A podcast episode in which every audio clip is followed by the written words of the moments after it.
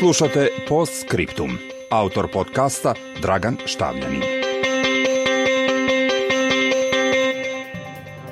Lideri Evropske unije razmatraju izveštaj evropskog pregovarača Mišela Barnijea u kome se ističe da ni nakon pet rundi razgovora nije ostvaren suštinski pomak o tri ključna pitanja.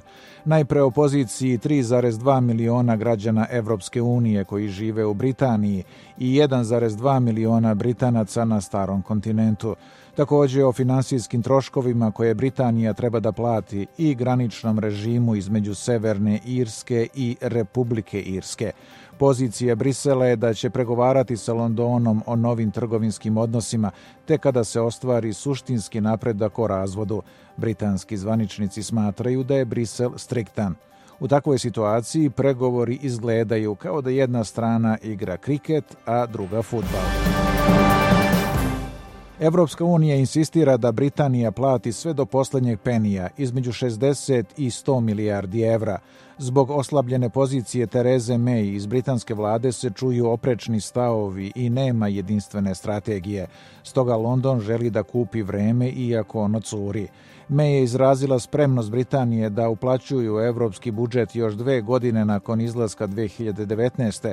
kao i privrženost ostalim finansijskim obavezama ističući da je lopta sada u dvorištu Evropske unije. Međutim, u Briselu ističu da je lopta u dvorištu Britanije sve dok se ne reše pitanja razlaza.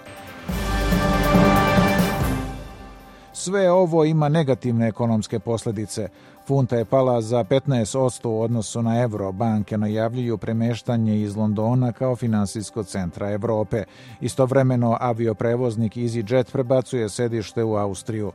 Kao pandan tvrdom Brexitu pominje se Meki, odnosno norveška opcija, koja podrazumeva da Britanija ostane deo jedinstvenog evropskog tržišta. U tom slučaju bi i dalje plaćala doprinose u Brisel i prihvatala pravila Evropske unije, ali bez prava glasa i mogućnosti uticaja na njih, što bi je dovelo u goru poziciju nego sada i razgnevilo vatrene pristalice Brexita.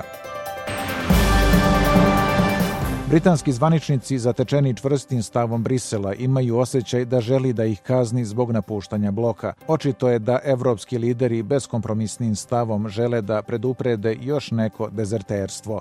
May je najavila prošle sedmice pripremu rezervnog scenarija za razlaz bez dogovora. Evropski pregovarači smatraju da London time blefira. Međutim, u konfuznoj političkoj situaciji u Britaniji moguće su sve opcije, čak i ako nisu planirane unapred.